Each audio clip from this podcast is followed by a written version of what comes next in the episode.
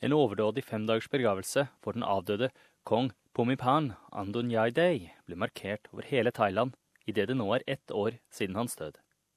Sørgende har reist fra så langt unna som Australia for å ta del i markeringene. Og eldre medlemmer av den kongelige familien har deltatt på buddhistiske religiøse seremonier som ett av de sentrale elementene i sørgen.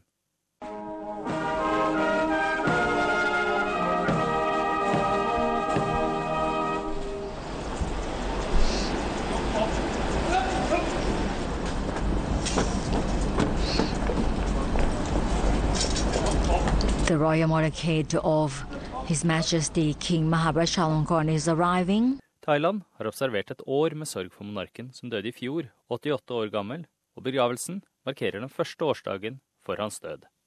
Kongen ble ansett som en stabilitetsstolpe over en periode på syv tiår med spredte politiske opprør og rask utvikling i den sørøstasiatiske nasjonen. Hans kremeringsseremoni på en kongelig kremasjonsplass foran Bangkoks Grand Palace i morgen, fredag, er en seremoni som ventes å tiltrekke seg ca. en kvart million sørgende. Og mange har reist langt for å overvære arrangementet, som denne kvinnen fra Australia. I came from Tasmania, Hobart, but I lived there for more than 10 years. Okay, but I'm sure when I I know uh, my king is passed away, um, my heart is real broken.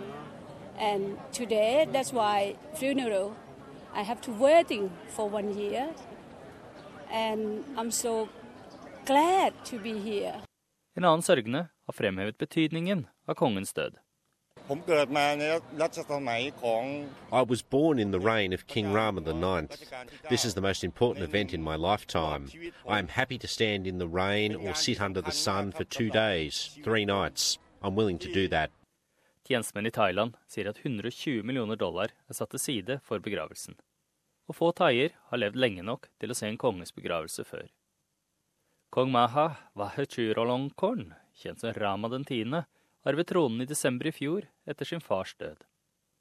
Han kom til The Grand Palace med bil idet soldater kledd i røde uniformer og svarte hatter sto oppstilt.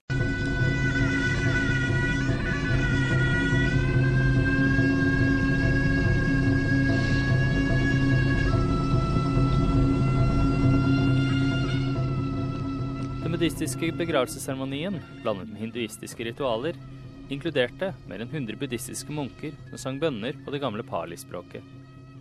Prosesjonen fra palasset til kremeringsstedet er nøye planlagt, og en rekke spesielt oppførte thailandske paviljonger tok nesten ett år å bygge. Noen thaier folder blomster av sandaltrepapir for kremeringen, i troen på at duftene vil lede sjelen til den avdøde frem til himmelen. Små replikaer av krematoriet har blitt plassert rundt om i landet, slik at thailanderne kan plassere blomster på dem. Krematoriet vil bli stående i én måned, slik at folk kan besøke det før det demonteres. Denne saken var med Hannah Sinclair på SBS norsk. Jeg er Frank Mathisen.